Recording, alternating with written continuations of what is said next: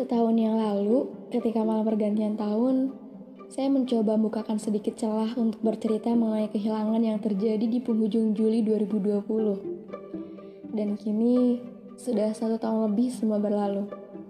Maka di penghujung 2021 ini, saya akan berbagi sedikit cerita unik dan menarik setelah proses kehilangan tersebut.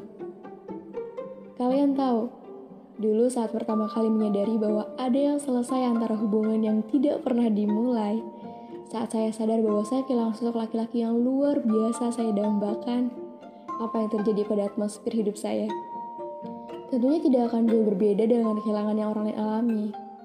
Hidup penuh dengan ketakutan, keraguan, kesedihan, kesulitan, kehampaan, kekosongan, dan hal-hal lainnya yang terasa begitu membebankan. Merasa bahwa sejauh apa pun dia pergi, saya akan tetap di sana menunggunya kembali merasa bahwa tanpanya saya tidak mampu. Merasa saya sudah menemukan separuh hati saya namun tanpa aba-aba dengan tiba-tiba direnggut secara paksa. Tanpa sempat saya mengatakan pada semesta bahwa saya sedang bahagia. Tanpa sempat saya membagikan cerita indah dan luar biasa tentangnya.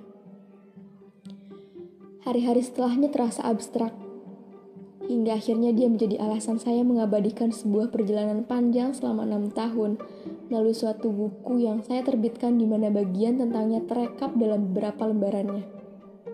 Bahkan terdapat sebuah ucapan selamat ulang tahun untuknya di sana. Sebuah kado istimewa yang belum tentu orang lain bisa. Namun sekarang lihat, betapa lucunya itu semua. Seolah membenarkan bahwa dia adalah orang paling istimewa di hidup saya. Mungkin memang benar, dahulu ia adalah tokoh utama dari semua cerita yang saya tuliskan. Tapi akankah ia terus berlaku sampai sekarang? Ternyata tidak. Ternyata keyakinan saya terhadap sebuah kalimat bahwa kehadiran seorang itu ada masanya. Itu benar. Karena masa dia dalam hidup saya sudah selesai, Akhirnya saya harus menutup segala tulisan tentangnya beriringan dengan lembar terakhir di buku tersebut.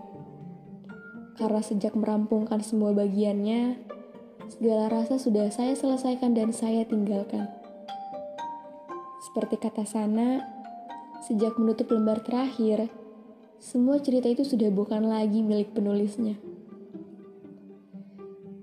Setelah kehilangan tersebut, saya hanya mencoba menjalani perjalanan dengan usaha terbaik yang saya mampu. Mungkin memang benar bahwa karena ada yang pergi, pasti akan ada yang datang. Meskipun tualang setelahnya masih belum memberikan jawaban. Tapi kejutan tiap perjalanan selalu berhasil membuat saya terkesan. Kini semua sudah meredak dia sudah memiliki seorang pengganti, saya sudah menyelesaikan tahap menolak, tahap penyadaran, tahap penyembuhan, dan tahap titik balik dari sebuah kehilangan.